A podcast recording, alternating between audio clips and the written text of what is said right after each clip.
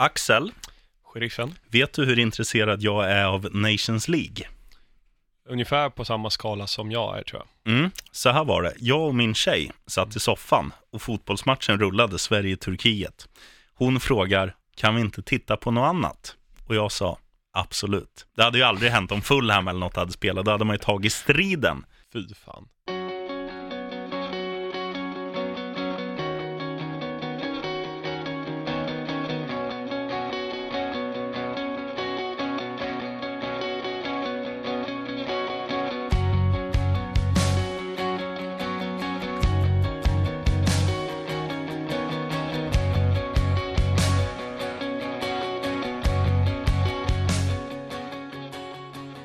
Men det här Nations League, alltså det Landslagsuppehållet var liksom oumbärligt tidigare. Jag tycker att det har blivit värre nu. Mm. För att de försöker på något sätt att göra det till något, någon tävlingsgrej, men ingen förstår varför. Det är bara tre lag i varje grupp. Så att Ja, när Sverige möter Turkiet, var är Ryssland vi har också? ja, Turkiet och Ryssland. Ja, och, och just publik, Ryssland liksom. publikintresset också. Det känns ju som att det är lite som det här allsvenskan och det var väl norska och danska ligan som höll på med Royal League back Mm. in the day, spelades på vintern. Mm. Det var lika lågt intresse då. Ja. Alltså 500 pers var det väl på en sån match. Nu var det 21 000 på Friends. En om man får klassa det som tävlingslandskamp Mm. mot Turkiet. Och hälften av de som var där var ju turkar. Ja, jag tycker det är eh, bedrövligt. Men apropå Royal League, Mm. jag kommer ihåg, det var en grej jag minns från det. Det var om det var Köpenhamn mot Malmö tror jag. Det var en straffläggning där något lag vann 14-13 eller något sånt för att vinna. Lite typiskt Norden också att kalla för Royal League. Ja. Kungliga ligan. vet du vad mitt enda minne från Royal League? Nej. Jag fick ett samtal från Djurgården. Jag är ju AIK-are. Mm. Men då ringde de till mig och sa, du, eh, vi, vi ska spela match i, i Södertälje på Jallavallen. För att de vill inte, eller då spelar de ju fortfarande på eh, Stockholms Olympiastadion. Mm. Och där fanns, det var väl naturgräs bara. Och så var det plastgräs i Södertälje, så de skulle spela mot Rosenborg eller något där. Mm. Så ringde de och frågade mig om jag kunde vara speaker. Men det, det, det gigget tog jag, för jag fick betalt. Men jävla vad ont i hjärtat det gjorde. Jag förstår det. Vi kan väl börja med att säga att det här är inte Nations League-podden, utan det här är ju PL-podden med mig som vanligt, Axel Olsson och min trogne vapendragare.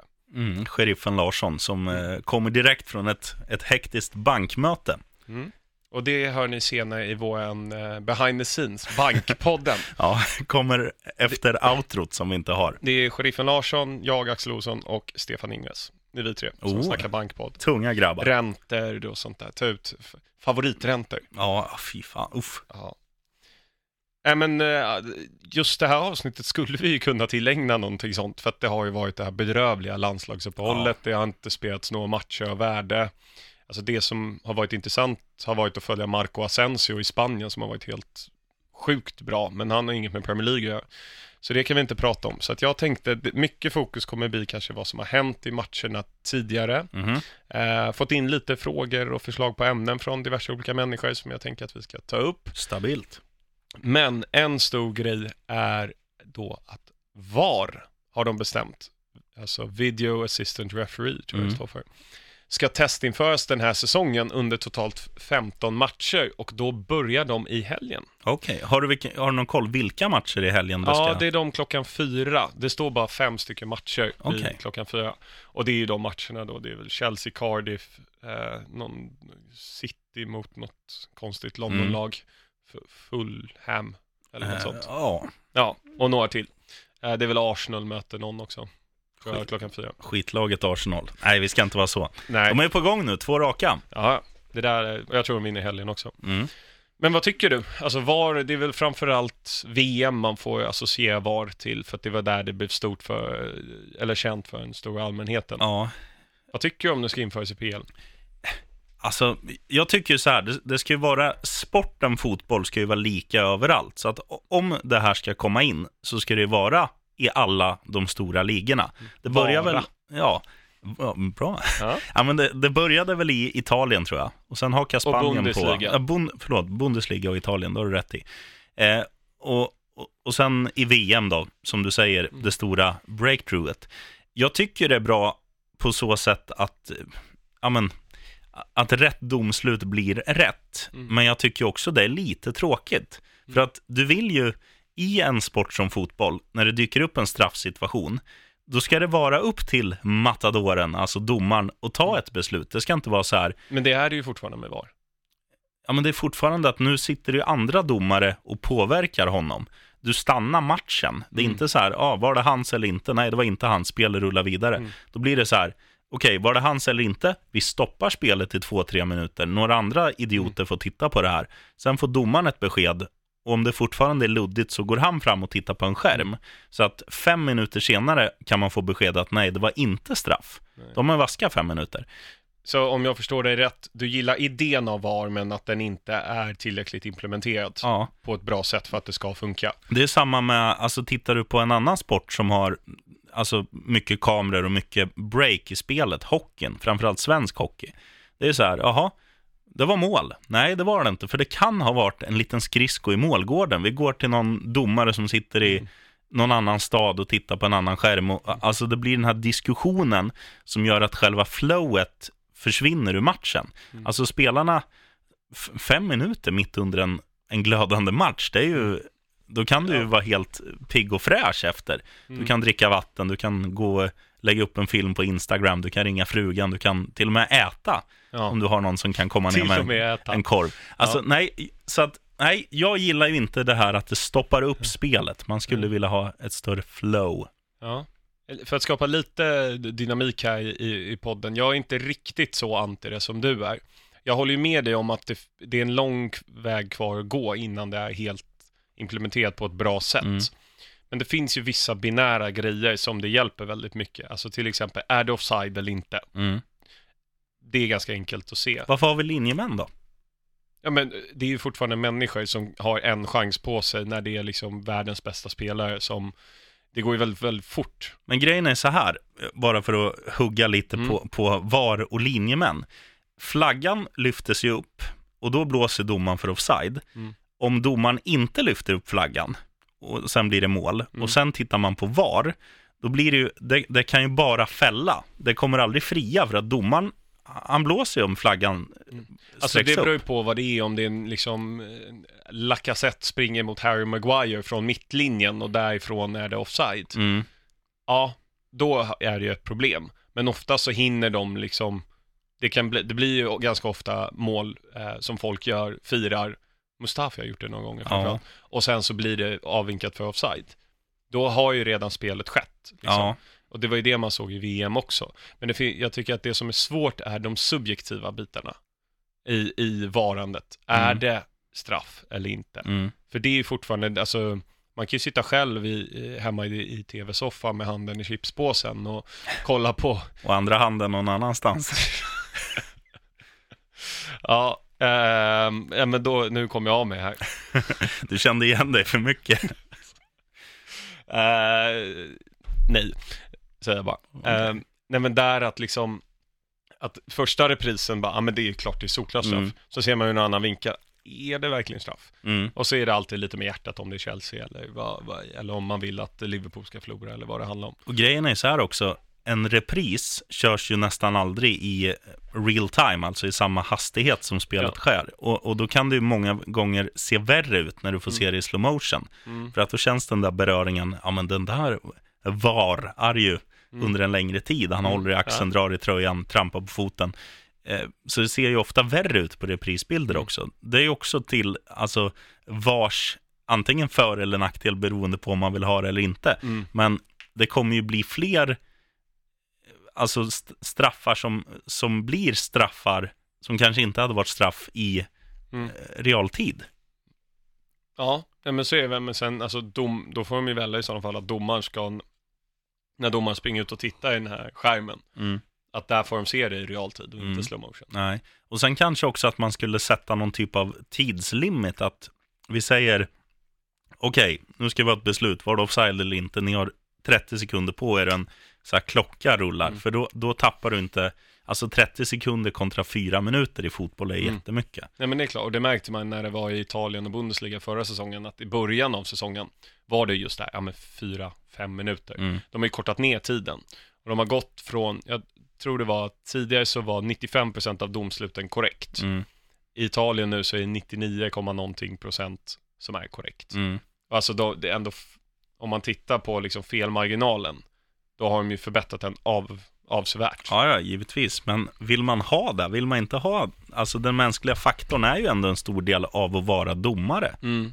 Ja, och i, i spel, alltså det är klart det finns den aspekten. Man gillar ju när Mourinho går och skäller på domaren efter matchen. Och Mm. liksom det är en del av charmen med Premier League. Men Och när man själv kan skylla på domaren, nej fan, Fulham skulle ha vunnit, nu blev Mm. det 2-2 tack vare den där jävla domaren. Varför blåste han på Mitrovic? Även om det kanske var en solklar hans. ja, exakt.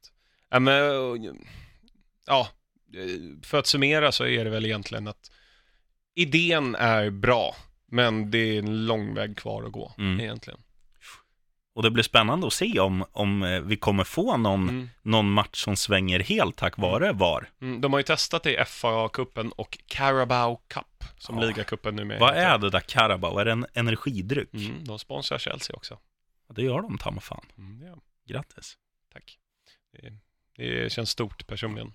Har du Det- provat den? Nej, det har jag inte. Det skulle vi ju kunna be någon som lyssnar som är i, kanske är i England och smuggla med sig två hem och skicka upp hit så kan vi recensera dem i studion. Vi får lösa det. Mhm. Ehm, det sagt om VAR, vi, vi får se hur det blir i matchen. Mm. eh, matcherna. Jag tänkte att vi ska prata lite om Watford.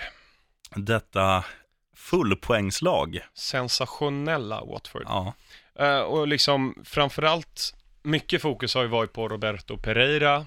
Mycket fokus har varit på kapten Dini som är där och bufflar. Mm. Men en som bör få mer cred än vad den kanske har fått är José Jolebas, som Ja. jag tror det uttalas på grekiska.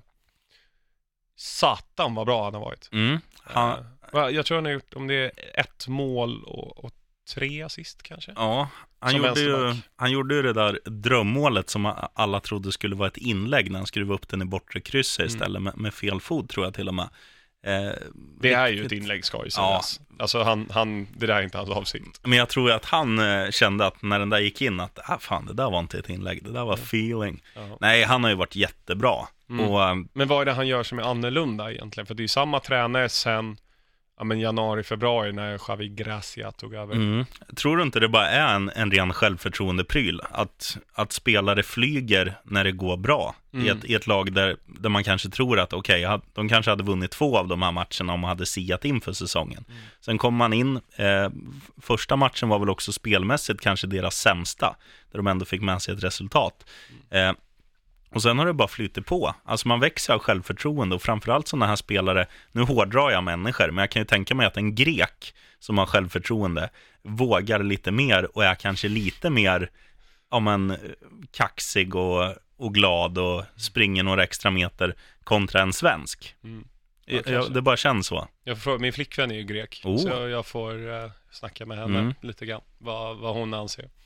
Får, får ringa in henne här. Man kan ju sia så här, eh, om ni har köpt någonting tillsammans, om vi återgår till lånen bara snabbt, om, om ni har kritat på en lägenhet, är det du eller hon som före, föreslår, nu firar vi med champagne? Jag tror det är hon. Det är nog hon, för jag gillar inte champagne. Nej, men det ser du. Det... jag vet inte vad jag ska läsa av det.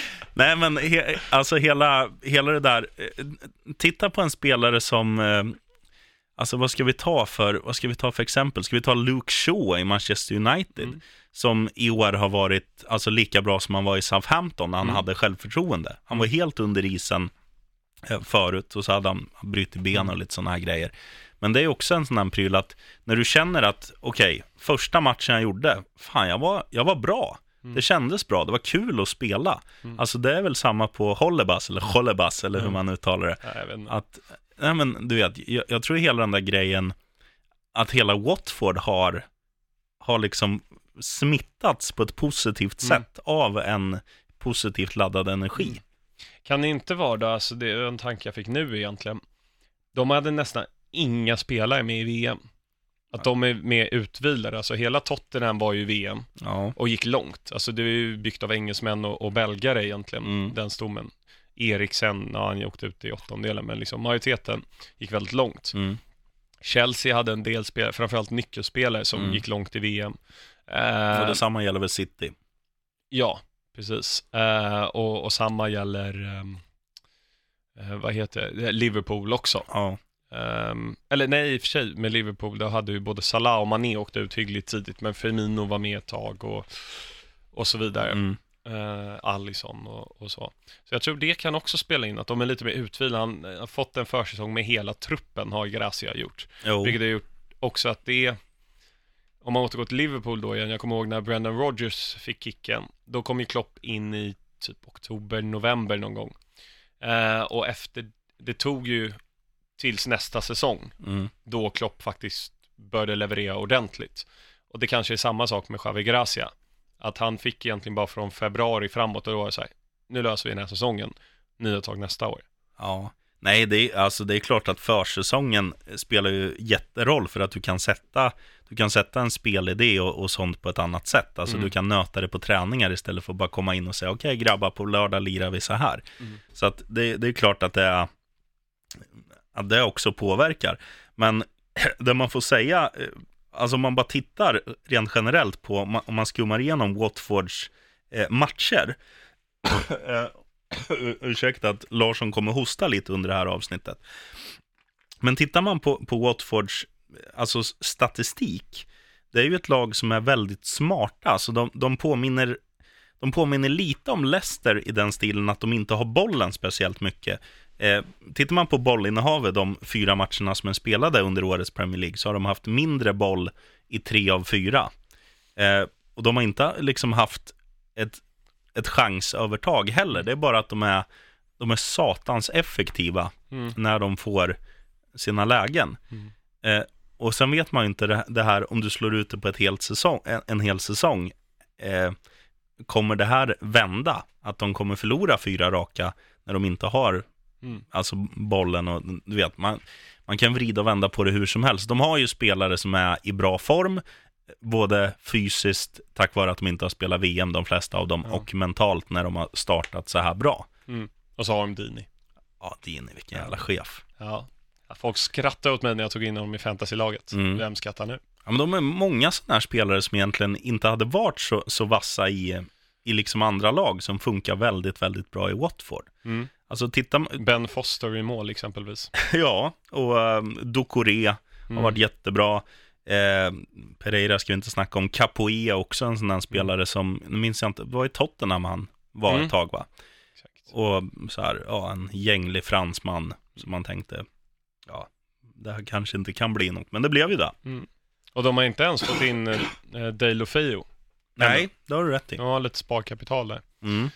Men Watford ser ju onekligen spännande ut och eh, vi kommer ju gå igenom alla matcherna mer i detalj, men jag tänkte att vi ska prata en del om Watfords motståndare nu på lördag 18.30-matchen. Manchester United. Mm. Ett lag vi gillar att prata om. Det gör vi. Vi pratar inte så ofta gott om dem. Nej, men eh, Det är bara för att det finns ju ganska mycket sk- skit att ta i. men det är väl det också att de är ju, de är ju ett lag som man, alltså man lever väl lite i det förflutna tack vare namnet United. De ska ju vara topp två. Mm. Eh, tittar man rent truppmässigt så tycker inte jag de ska vara det. Nej. Men sen, sen är det ju så också att United är ju ett lag, precis som Arsenal, som har väldigt mycket fans. Och de som är födda, alltså 80-tal, 90-tal, de är ju uppväxta med att de är ett konstant topplag. Mm. Och sen, sen kanske det gör lite ont att och När det inse, inte går så bra. inse fakta att de Mm. inte är ett av världens Nej. bästa lag längre. Men där undrar man ju också hur liksom dynamiken ser ut inom klubben. Om man tittar på, det enda Mourinho ville ha var en mittback i Mm. somras. Det var Diego Godin, det var Harry Maguire för all världens pengar, Toby Alderfereld. Får ingenting. Är det Mourinho verkligen som vill ha dem? Eller är det Woodward som vill ha dem, men Mourinho vägrar? Eller liksom, det är klart att man ser vad medierapporteringen säger, att Mm. Det är Mourinho som vill ha dem här, men inte får dem. Alltså, det kanske händer lite mer bakom kulisserna där. Ja, det, det, det har väl att göra med båda de där två herrarna och sen, eh, sen handlar det väl också om att man kan, man kan inte köpa, även om Manchester United har hur mycket pengar som helst, man kan inte betala alltså extrema överpriser för, skulle man köpa Godin till exempel, var han född 86 skulle jag tippa, 87 Ja, kanske? Han är över 30 tror jag. Han är ju, han är ju slut av sin karriär. Mm. Tittar man på Harry Maguire så kan man väl ha argumentet att okej, han har spelat i Leicester, han har gjort han har gjort ett bra VM för England. Men han har inte visat under en längre tid att han är en mittback för ett Manchester United. Nej. Och om de då kräver en utopisk summa, eh, Mm. då kanske man väger det också, att ja, är det värt det? Mm. Nej, så är det ju. Ehm, men jag tror, alltså, det viktiga är ju, de måste bara, ja, det har vi sagt sedan vi började den här podden och även innan, att de måste ha en ny backlinje. Ja. Nu är ju Shaw, han är väl borta en liten stund, du såg väl hans hjärnskakning där. Oh, Det är ju typiskt när han börjar spela bra, det var ju samma när han bröt benet. Då hade Mm. han varit riktigt, riktigt bra. Och så bara går, ehm, så går, går något fel. Men en hjärnskakning kommer han nog tillbaka till lite fortare Mm. än, än, en, än ett benbrott. Men där, ehm, liksom Luke Shaw då, okej, då har man Ashley Young igen på vänsterbacken. mm, Och så har du antingen en ska, halvskadad Bailly som alltid, Lindelöf, Rojo, Smalling och Jones. Det är mm. inga världsbackar direkt. Det är ingen världsbacka, men heller, alltså, det är ju inte, det är inte sån kattskit som man får att låta som när man snackar Manchester United. Det är liksom, Ja, men Chris Smalling och, och Phil Jones är faktiskt det. Ja, kanske. Men, men titta, på, titta på Nilsson Lindelöf. När han spelar i svenska landslaget bredvid Granqvist, som definitivt är en sämre mittback än Bailly. Alltså Ja, man bara ställer man to man. Eh, då, fin, då, då kan man ju ändå se så här, varför får du det inte att funka i Manchester United när du spelar med en egentligen bättre backkollega? Mm. Hade de haft Granqvist och Lindelöf i Manchester United, det ger mig fan på att det hade sett bättre ut. Just för att de är samspelta. Jag tror att det här hattandet som Mourinho håller på med i år, att han, att han liksom nästan aldrig spelar med samma fyra där bak, Ja. gör att den här säkerheten som, som är väldigt skön att ha i ryggraden som, som försvarsspelare, att okej, om jag går upp då vet jag att han kommer bakom mig. Om jag slår ut den på högerkanten, då vet jag att han vill ha bollen framför sig och inte bakom sig. Att du har det där, du behöver liksom inte tänka, det går per automatik. Och det är någonting du aldrig får om du hela tiden laborerar. Mm. Det är bara att hålla med. Det är ju precis det som är problemet. Det finns ingen trygghet där bak, förutom de Gea som är, jag har tappat lite, men väldigt, väldigt bra målvakt Mm. ändå. Så har de ju ingen trygghet där bak. Nej. Ja, och Antonio Valencia är ju inte en som tänker defensiven i första hand heller, på högerbacken. Så att, eh, ja, min, min fråga här som jag har skrivit ner, vad händer om United förlorar på lördag? Borta mot Watford som har vunnit alla matcher, det är ju Ja. ändå en hygglig sannolikhet att det händer. Blir det inte bara en, en ny cykel av att då måste de vinna nästa match? Alltså man kände ju efter Tottenham-förlusten att nu måste de slå, det var Burnley va de mötte på, på Ja, men bortaplan. Burnley är ju betydligt sämre än Watford. Eh, Självklart. Men, eh, ja, jag vet inte. Alltså man, han man får ju inte skulle- kicken, det får han ju inte. Nej. Men, alltså, på ett sätt vill jag att de förlorar bara för att se Mourinhos reaktion efter matchen. för det kommer ju inte vara, det kommer ju vara någon, det gör ju alltid Mourinho. När laget har gjort en dålig insats, då bör han fokusera på något annat. Så Mm. att man inte ska prata om insatsen, utan man pratar om det Mourinho gör efter matchen. Ja, Så man vill ju bara se vad han hittar på. Jag minns när Chelsea ledde 1-0 mot Southampton den här säsongen när det gick åt pipan. mm, Eh, sen förlorar de 3-1. Och då får Mourinho frågan av en journalist, jag kommer inte exakt ihåg, men något i stil med, ja men vad, vad var det som gick fel i matchen? Då drar han sju minuters monolog om, if the club wants to sack me, they have to sack me. I'm not leaving, la la la la Mm. la. På riktigt var jag tror sju och en halv minut snackade han på den frågan. Alltså det det är ju underhållning. ja, han är fin sådär. Ja. Men eh, om, man, om man tänker rent spontant så här, kommer det, om Mourinho inte går, om backspelet inte funkar, kommer det blossas upp rykten nu? För det är ändå mitten av september nu. Mm. Sen kommer ju januari-fönstret. Eh, Det kommer absolut göra. mm. För de, de skulle ju köpa en mittback i sommar, men det gick inte. Men är det där som är grejen, att, att det kommer liksom bli stort och de kommer kanske till och med göra klart med någon som, som går över då när fönstret öppnar? Eller Ja, jag vet kanske. inte vad som händer. Alltså inte redan nu, det kommer de ju inte göra. Men jag tror att det är hål i huvudet om de försöker värva någon innan de har fått bort Mourinho, om Mm. det är det de nu ska göra. För att säga att de får in Conte, Mm. han har ett helt annat spelsystem än Mourinho. Zidane spelar på ett annorlunda sätt än vad Mourinho gör. Och då måste ju välja spela ut efter det. Det är därför Man City har blivit så framgångsrika. Mm. De väljer spelare som funkar i Peps filosofi. Mourinho köper dyra, bra spelare, men inte för hans spelsystem. Jag undrar en grej, när, alltså Conte, ha- hans spelidé får jag också upp, men Zidane, Alltså det enda han har gjort, han har ju tagit över ett självspelande Real Madrid, vunnit Champions League två gånger och nu tre gånger till och med. Och nu gått till, eh, ja jag vet inte fan ens vad han gör. Han, ska han bli förbundskapten i Dubai eller Nej, Qatar var det snack om. Han skulle få en halv miljard om året. mm. fram det till är, VM. Det är bra betalt. Men han tackar nej. Men vad har han, vad har han för spelidé? Ja, alltså det som Zidane väl gjorde väldigt bra i Real är ju att det är ju ett gäng diver. Mm. Bortsett från kanske Toni Kroos och Luka Modric. Så är ju, alltså Marcelo en diva, Ronaldo, Benzema, Bale, Ramos. Han hanterade dem. Mm. Sen, jag kan hålla med om, ja, de, de för ju matcher på ett annat sätt än Jo. vad Man United gör. Eller, sen är det som du säger, vet man om det är Zidane eller är det bara så Real Madrid spelar? Mm. Det märkte man ju när Real förlorade mot Spurs på Wembley i Champions League förra året. Mm. De hade ju backlinjen vid halva plan. Det var bara för Kane och Ali att springa förbi som Ja. var det löst liksom. Trots att Varan och, och, och Ramos är två riktigt, riktigt bra backar. Mm. Eh, så jag vet inte riktigt vad, vad Zidane, vad hans spelidé är. Och jag tror ju det, Men man, det funkar. jag tror ju det om man ska vara krass också. Vi, visst, det går att hantera diver, men vi, vi tar den här grekiska mentaliteten, den finns väl lite i Spanien också. Real Madrid är ju vana att ha ständig medvind. Mm. Kommer Zidane in och, vinden fortsätter att blåsa i rätt riktning, då är det ju väldigt svårt att stoppa Marcelo, Ronaldo, ja, och alla de här du har rabblat upp, Mm. plus Bale med flera. Alltså det är ju spelare som är hur jävla bra som helst, ursäkta uttrycket. Men även om J. Kinmark, jajamän, eller du, eller jag, hade tränare där Real Madrid-laget, så hade man ju kommit topp två i Spanien.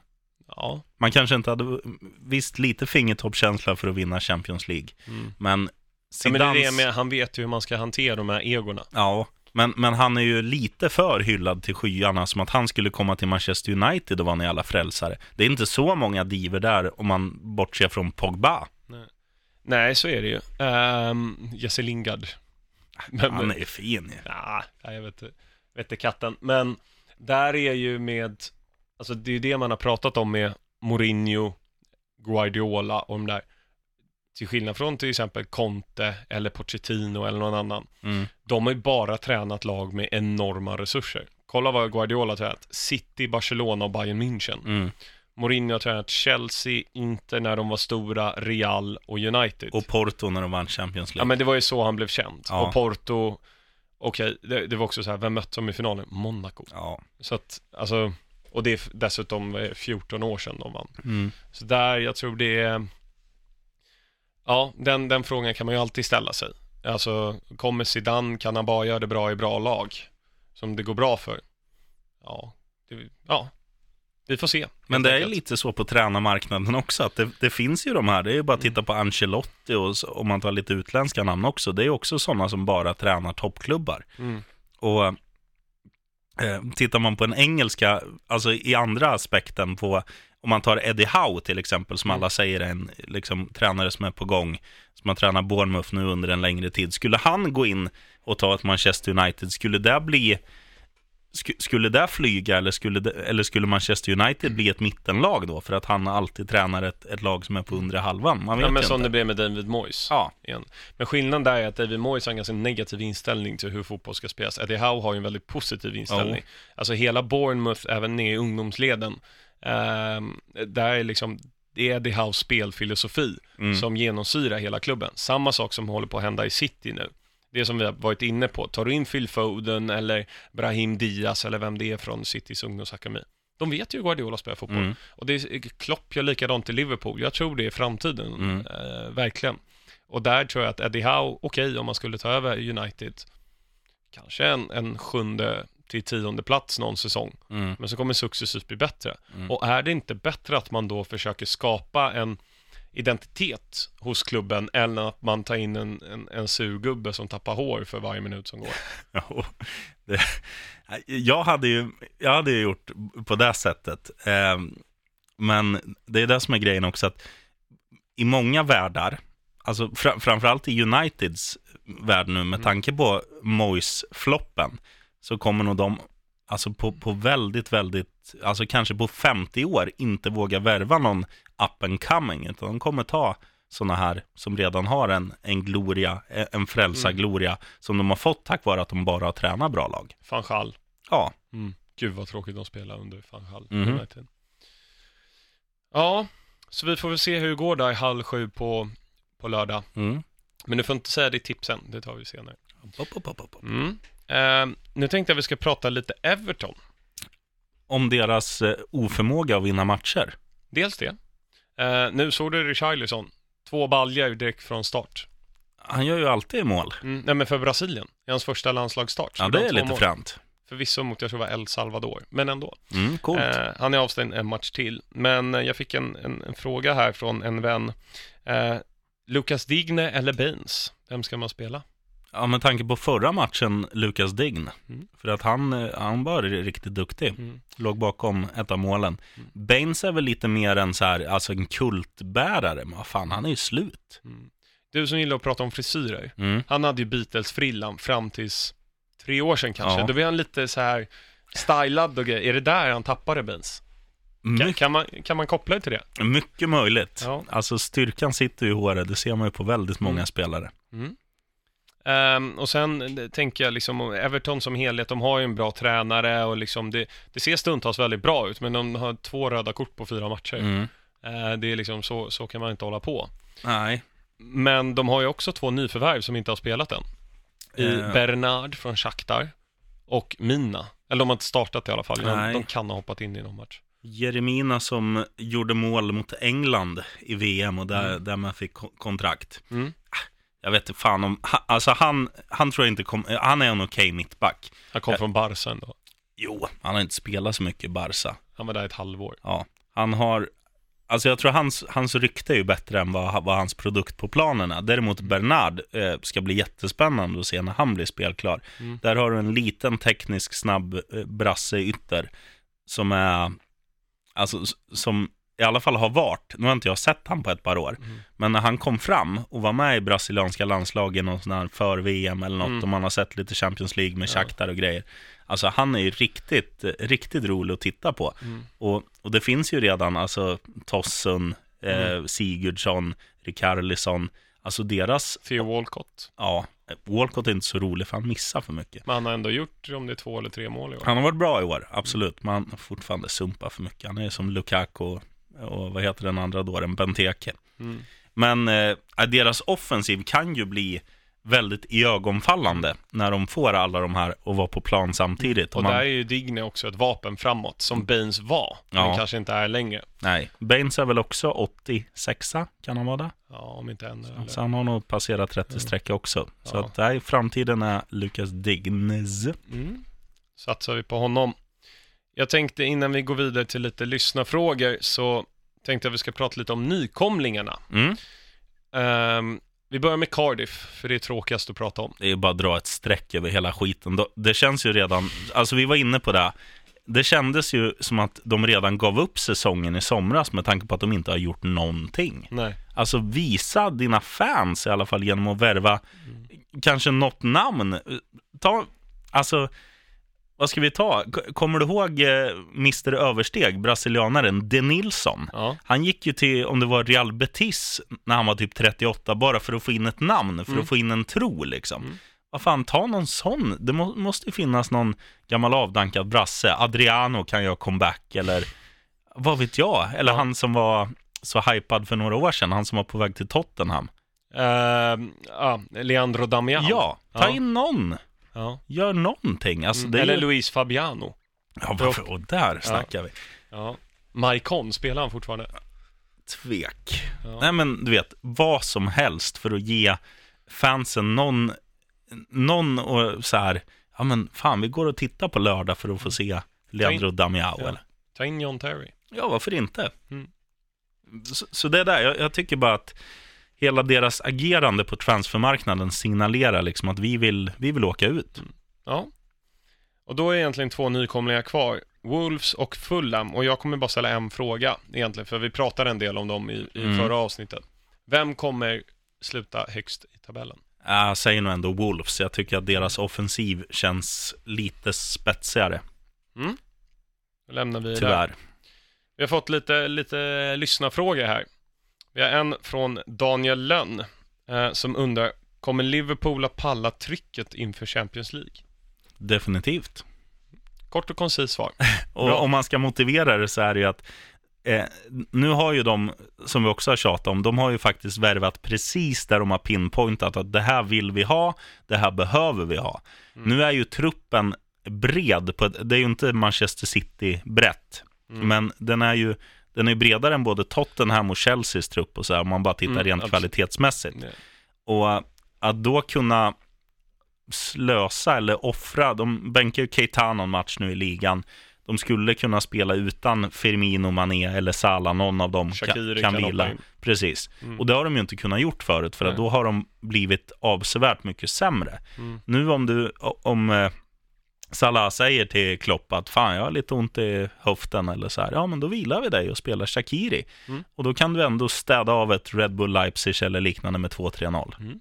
Det kunde du inte göra förut. Nej. Så ja, de kommer kunna hantera det mycket bra. Apropå Leipzig, du vet att Red Bull äger ju både Leipzig och Salzburg Mm. och de är i samma grupp i Europa League. Vad satan. Bara, bara så. Eh, en till fråga som jag tror kan vara svår att, att um, svara på, men vi ger ett försök. Erik Wachtmeister ställer frågan, är intresset för PL lika stort i Sverige i år som tidigare säsonger? Tittarsiffror.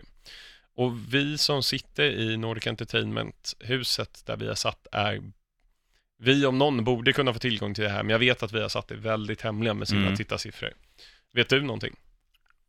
Jag har ingen aning, men eh, jag kan ju bara spekulera att, att det här är ju, alltså Premier League, jag skulle titta på Premier League även om alla bästa spelarna spelade i Italien och Spanien istället, Mm. just för att det finns en annan kärlek och en annan tradition till de engelska lagen. Mm. Så att man, man titt, jag tittar ju, visst du vill se roliga matcher och så här, men man tittar ju lika mycket av traditionen, sitta där hemma i soffan, ha en stryktipskupong, som det är du sa, en, en hand på pungen, nej, i, i chipspåsen och sådär. Ja, men, så jag, jag, jag tror ju, om inte priserna på liksom, abonnemang och liknande kommer eskalera, Mm. så tror jag inte att, eh, att, det kommer ta, eh, att Premier League kommer tappa så mycket tittare. Sen har det blivit svårare nu med tanke på att förut kunde du välja vilken match du ville se klockan fyra. Nu är det mer så här, nu är du mer styrd av tablån, men de, Det, vi visar ju här i Sverige matcherna klockan fyra, eller en match klockan fyra. Det Mm. gör man ju inte i England till Nej. exempel. Och sen kan man ju se de andra allt som oftast i efterhand. Ja, men det kan man alltid. Mm. Ehm, ja, jag hoppas vi svarade på din fråga där Erik, så gott vi kunde. Rickard Johansson har ställt en fråga. Vem är den största talangen enligt er och hur långt kan han gå i sin utveckling? Ride on. Bra slutkläm där. Ja. Ja. det finns ju, alltså jag är ju, Jag antar att han menar i Premier League, för annars Ja. är det ju Mbappé, får man väl säga. ja ja, så är det ju. Eh, jag har några kandidater här. Mm, låt höra.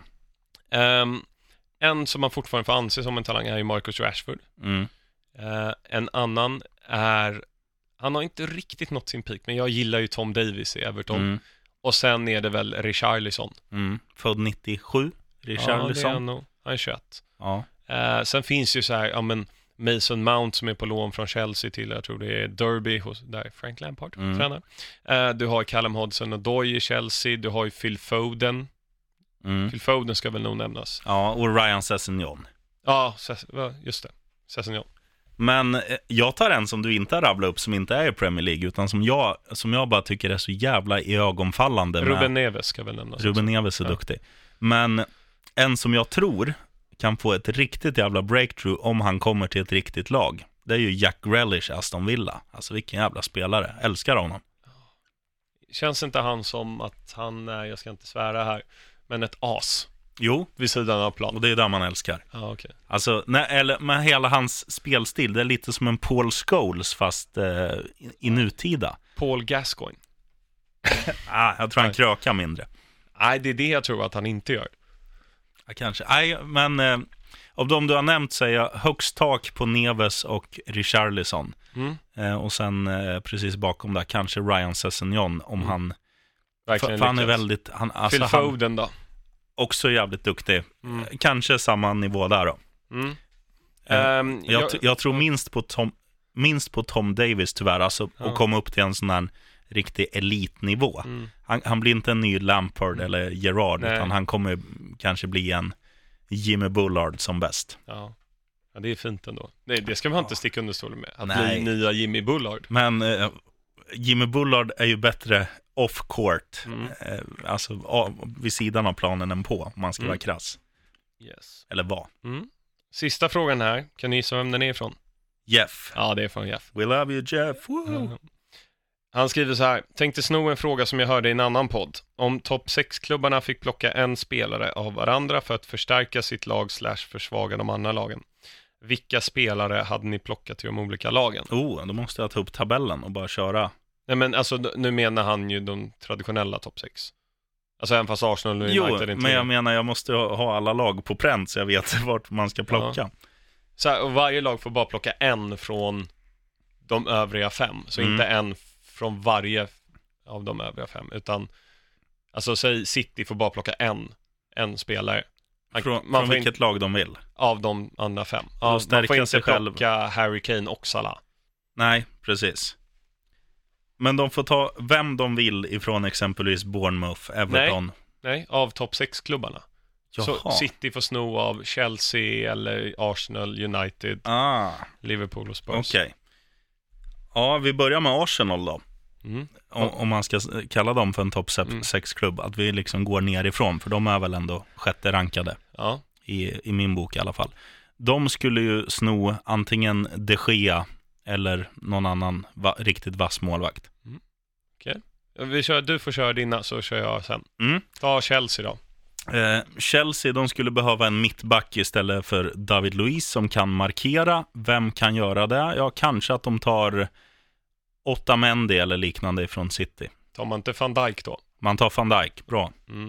Eh, Åtta det är ju Ja, men det är ganska dålig tidsfri- mittback. Ja, jag tycker också det. Men Ja. han är bättre än David Luiz, om Mm. man ska vara krass. Vem tar Liverpool då? Eh, Liverpool, ja fan de skulle behöva någon, kanske någon Kevin De Bruyne eller någon sån där. Mm. För att spetsa till deras ganska okej mittfält ännu mer. Vem tar Spurs? Spurs behöver ju, eh, det blir väl en mittfältare där också. Sen är ju, ja kanske tar han eh, brassen då i City på mitten, vad heter han? Fernandinho. Där har du det. Mm. Och- Vem tar United och vem tar City då? United också mittback, de tar också van Dijk. Mm. Eh, och eh, City, de behöver ju inte göra någonting. De har- behöver ju mittbackar. Jo, men ja, ska de också ta van Dijk? Alla tar van Dijk. Ska jag, Mm. ska jag ja, köra? Varsågoda. Ja, Arsenal tar N'Golo Kanté Mm. från Chelsea. Chelsea tar eh, van Dijk tycker jag också. Eh, Liverpool tar N'Golo Kanté. Tottenham tar N'Golo Kanté. United tar N'Golo Kanté. Och City tar också N'Golo Kanté. Jag förstår inte, alltså det är den bästa spelaren. En Kanté och alla behöver honom. Och han är bäst i världen på sin position. Ja, men skulle han, alltså i City, har inte de det ganska förspänt där med Fernandinho ändå på Ja, den Fernandinho positionen? är 33 år gammal. Kanté är 91.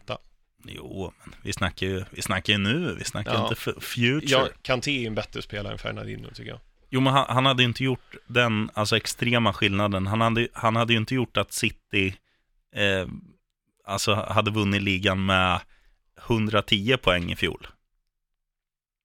Han hade inte gjort att de förlorade, eller vann, alltså fick färre poäng. Nej, Jag men tror snarare mer. ja, kanske. Okej. Mm. Eh, Så alla tar Kanté förutom Chelsea som tar van Dijk. ja. Eh, Toppenbetyg till övriga klubbar. men om... Eh, alltså, det, fan, det är kul att sitta och titta på tabellen. Alltså. Arsenal på nionde plats, Manchester United 10 och vi nämner dem topp 6. Aj, aj, aj. Jag, Ja. tror, jag, tror, jag tror tabellen är, fr- Mm. är fryst här. Ja. Watford Så- 3. Mm. Ehm, nu ska vi prata om en riktig Premier League-legendar. Är det dags för vad, vad händer sen? Mm. Oh. Det är det. Och det här är precis som förra veckan när vi tog Federico Makeda. Det var ju så här, men på riktigt, vad hände sen? Mm. Lite samma med den här. Se om du kommer ihåg honom, det hoppas jag att jag gör. Jimmy Traoré. Kommer ihåg honom? Vänsterback i Liverpool. Uff. Ja, jag har jättesvårt att få upp en bild. Vad Ja. snackar vi för år? Eh, 2005 bland annat. Han var i Liverpool mellan 1999 och 2006. Han spelade i Champions League-finalen mot eh, Milan där. Alltså det borde ju ringa en klocka, man Mm. borde få upp ett ansikte, men nej, pass. Nej, eh, många Liverpool-supportrar känner nog till honom för att han har blivit utsedd till att vara den sämsta spelaren någonsin att spela i Champions League-final. Jaha, Han har gjort ett av de absolut märkligaste självmålen någonsin. Eh, det var mot Burnley i FA-cupen 2005 när det kom ett lågt inlägg från kanten och han snurrfintar in den i eget mål. Ja, det är snyggt. Mm. Han har även en egen låt hos Liverpool-fansen som anspelar på är Jackson 5, Blame it on the boogie. Men då är det Blame it on Traore istället. Så fort något gick dåligt så skyllde man på Traore. Jag måste googla han så jag får upp en bild hur han Ja. ser ut. Alltså. Jag tycker det är dåligt att du inte vet vem det här är. Ja, jag skäms. Alltså, ja, vi ska se här. DJ, sa Ja. han, Jimmy.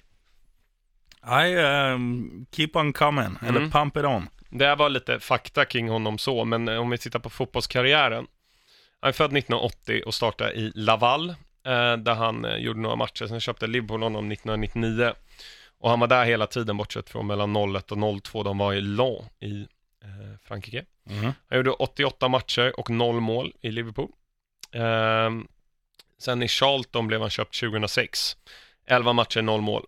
Ehm, sen gick han året därpå till Portsmouth. 13 matcher, 0 mål. Sen var han i både Rennes och Birmingham och gjorde totalt 18 matcher i de klubbarna. 0 mål. Sen var han i Monaco mellan 2009 och 2011. Ehm, 36 matcher, 0 mål. Sen var han i Marseille eh, 2011 till 2012 och gjorde 11 matcher och gissa hur många mål? Noll. Ja. Sen var han i Seattle Sounders. Oj, oj, oj, nu, nu gjorde han väl en kasse. Ja, 42 matcher, ett mål. Ja, jag kände att han har alltså ett lossnade mål i hela sin seniorkarriär. Respect. Ja. Nej, jag känner inte igen han på bild alltså. Nej. Nej, det- men kolla, alltså Champions League-final. Han gör någon så här vital räddning på mållinjen från är Shevchenko som skjuter tror jag. Eh, när de möter Milan och vänder där. Men eh, jag vet att Liverpool-fansen kommer ihåg honom. Ja. Blame it on Traore. Jag gillar det. Bra ramsa. Ja.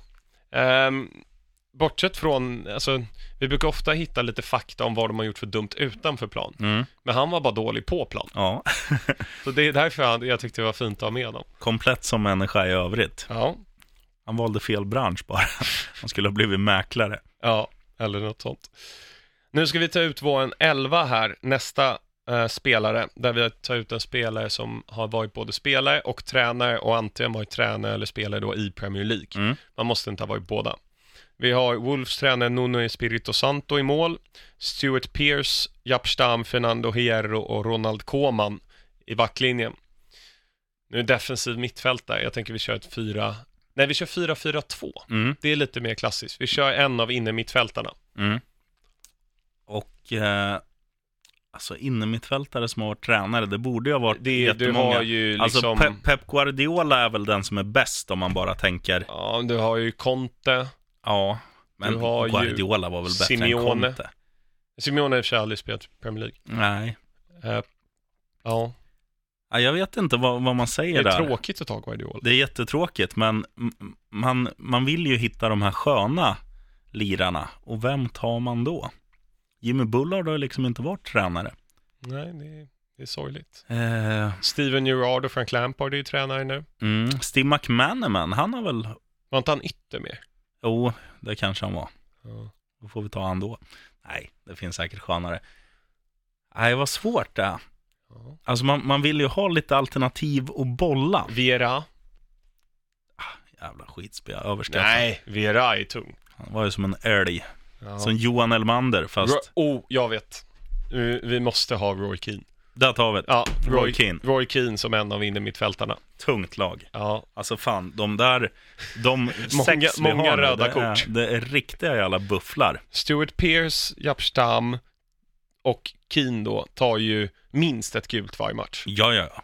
var. Vi ska ju vara Ja. hårda om, eller det här laget ska vara tufft att möta. Mm. Roy Keane alltså. Får, får man välja hemmaarena så spelar vi också på Goodison Park, som är Mm. kanske den skitigaste. Mm. Eller Sellers Park, det blir Ja, bra, bra tryck. Ja, det blir riktigt bra tryck.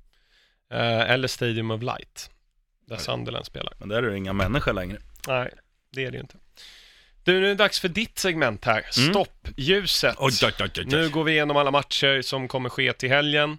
Ehm, och eh, ja, Mm. rött, gult eller grönt. Vi kickar av med Tottenham mot Liverpool. 13.30 på Wembley. Åh, det, är, Supermatch. det är en jättematch. Eh, sen är det jättesvårt nu att sia i favoritskap och så här. Tottenham favorit i favör av hemmaplan. Liverpool favorit med tanke på att de är ja, har väl egentligen en lite bättre trupp just nu. Eh, Tottenham slog Fräschare United trupp, framförallt. 3-0. Eh, och Liverpool har ju gått igenom serien utan poängtapp. Och Spurs förlorade sist mot Watford. Ja, ah, gult utgångs, utgångskryss på den här. Jag tror att Harry Kane gör två mål. Oh, Mm. Jag tror på Spurs faktiskt. skönt. Men du var utslagsrösten där. Bournemouth-Leicester. Ja, fan, Bournemouth har ju överraskat. Och Leicester, Leicester har väl gjort det okej också. Det luktar ju väldigt mycket 1-1.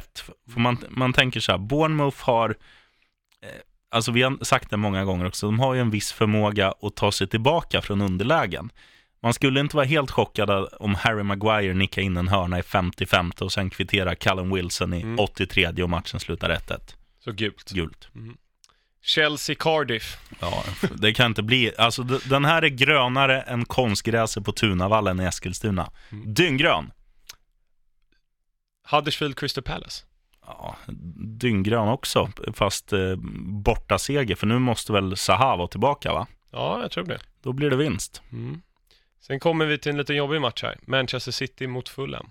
Den är ju inte jobbig. Alltså det här är ju, om man snackar budgeterat, budgeterade förluster, så är ju det här en sån. Alltså Fulham har ju, visst, de, de var ganska okej mot Tottenham, men det är ju inte de här matcherna man ska vinna. Och i Citys fall, det här är ju en match de inte ska förlora. Mm. Och de kommer inte förlora, för så här är det, Fulham kommer säkert göra mål. Här, den här matchen kanske slutar 6-2, 5-1 eller liknande till City. Men den Heinegarden, alltså hönsgården som har, som har visat sig match efter match i Fulhams försvar, den kan ju City definitivt göra än mer, ja, hur man nu ska förklara det. Jag tror att Fulham vinner. Nej. Jo. Tror du det? Nej, riktigt? men jag tror att de kan kryssa. Jag, jag, jag skulle ta med kryss om jag hade ett, ett fläskigt system på strykan eller liknande, men jag, jag tror att det blir slarvsylta tyvärr. Mm. Och jag, jag tror också för att Fulham åker dit lite inställda på att kanske lämna Mm. med noll poäng i bagage. Och jag tror att undermedvetet kommer de, ja, kanske låta, tillåta City göra lite för mycket. Jag tror det kan, bli en annan matchbild om, om matchen hade spelats på Craven Cottage Mm. att Fulham då bjuder upp till dans lite mer och Ja. försöker ha lite mer boll och spela mer sitt eget spel. Mm. Nu kommer de få anpassa sig alldeles för mycket. Eh, och Fulham är ju ett lag som, som vill driva matcher och ha mycket boll och, och så här. Och City Mm. kommer inte tillåta dem göra det tyvärr. Så grönt i City. då. Ja, jättegrant. Newcastle-Arsenal. Arsenal är ju favorit där. Ja, Newcastle har ju spelat under all kritik, ändå varit Har nära. de det då? Alltså de har ju förlorat med uddamålet mot City, Chelsea och Spurs. Ja, men tittar man, på, tittar man bara krasst på hur det har sett ut på plan så har ju det Men det varit... är ju deras taktik. Vad ska de göra? De kan ju inte spela sitt egna spel mot eh, de lagen. Nej, men det kommer, det kommer ju bli, det kommer påminna lite om Chelsea-matchen. Hur länge kan Arsenal, eller hur länge kan Newcastle hålla Arsenal utan att Arsenal Mm. har gjort mål? Mm. När det väl sen blir, alltså när, när Arsenal, vi förmodar att de gör 1-0 i den här matchen, Mm. då måste ju Newcastle öppna upp sig. Mot Chelsea var grejen att de gjorde en, en kvittering tidigt, så att det blev lite skitnödigt. Kan de göra så, Mm. så är det klart att de kan ta en poäng. Men gör Arsenal 1-0 tidigt och sen har de Lacazette, de har Aubameyang som kanske kan kontra in 2-0, då är matchen stängd. Mm. Så Arsenal då. grön. Mm. Eh, vi har pratat mycket om den här matchen redan, så bara jag vill ha rött, gult eller grönt. Watford United. Kryss, gult. Eh, söndagsmatcherna, Wolves-Burnley. Den här måste ju Wolves vinna, och de är ju favorit. De kommer vinna, grönt. Ja. Everton-West Ham. Oh, Dyng, dynggrön. Sam Allardyce-derbyt. Mm. Då är sex, fem raka förluster för Pellegrini om de torskar den där. Ja, eh, alltså West Ham har ju... Där kan man ju snacka underprestation. Everton har ju också underpresterat, men Everton, om, man, om de bara skulle lära sig att stänga så hade de haft fyra poäng till. Mm. De har kryssat alldeles för mycket, men de ska inte kryssa hemma på Goodison mot West Ham. Grönt! Yes, och måndagsmatchen, Southampton-Brighton. Uff, vad tråkigt. Kryss. Eh, ja, kryss. Luktar 0-0. det gör det. Ja. Ehm, ja, det var det för stoppljuset här. Jag tänker vi ska dra veckans tips också. Oh, Har du något på, på lur? ehm, ja, eh, både ja och nej. Okej. Alltså, Om man ska säga så här. Eh, Fifa 19. Mm. Förboka den nu. Jag har eh, tittat på lite... Vad Jag, man? jag förbokade för en månad sedan. Okej, okej. Ja, men lite gameplay och så här. Ja. Det ser ut att vara riktigt fint i år. Mm. Så det är mitt tips. Det är ditt tips. Då får väl jag komma med något form av eh, videoklipp. Kolla Jimmy Traorés självmål han gör mot Burnley i FA-cupen. Där har ni det. Ehm, ja, eh, det var allt vi eh, lyckades prata om idag. Jag tycker Mm. ändå vi lyckades fylla ganska bra med tanke på landslagsuppehållet. Ja, det var inga matcher Mm. att analysera, så Nej. att det var kul. Och kul att, att det var, är så mycket frågor ändå. Mm. Keep them coming, at PL-poddens på Twitter. Mm, precis. Där hittar ni oss och även på iTunes kan man gå in och ratea. I Like Radio och Acast också. Mm. Ehm, så det, jag tänker att nästa vecka ska vi försöka spela in på tisdag i och med att Champions League drar igång. Oj, oj, oj. Liverpool, PSG och Inter Spurs spelar båda på tisdag. Ska jag kolla mitt schema om, om tisdag är möglich? Mm, vi är- löser nog det. Är, ja, tisdag är perfekt. Då löser vi det. Ehm, jag snor din replik eh, och innan du sätter på i, outrot, får vi kalla det. Har vi så, ett outro? Ja, vi har introt är vårt Jaha. outro. Ja, så uh, right on. Right on.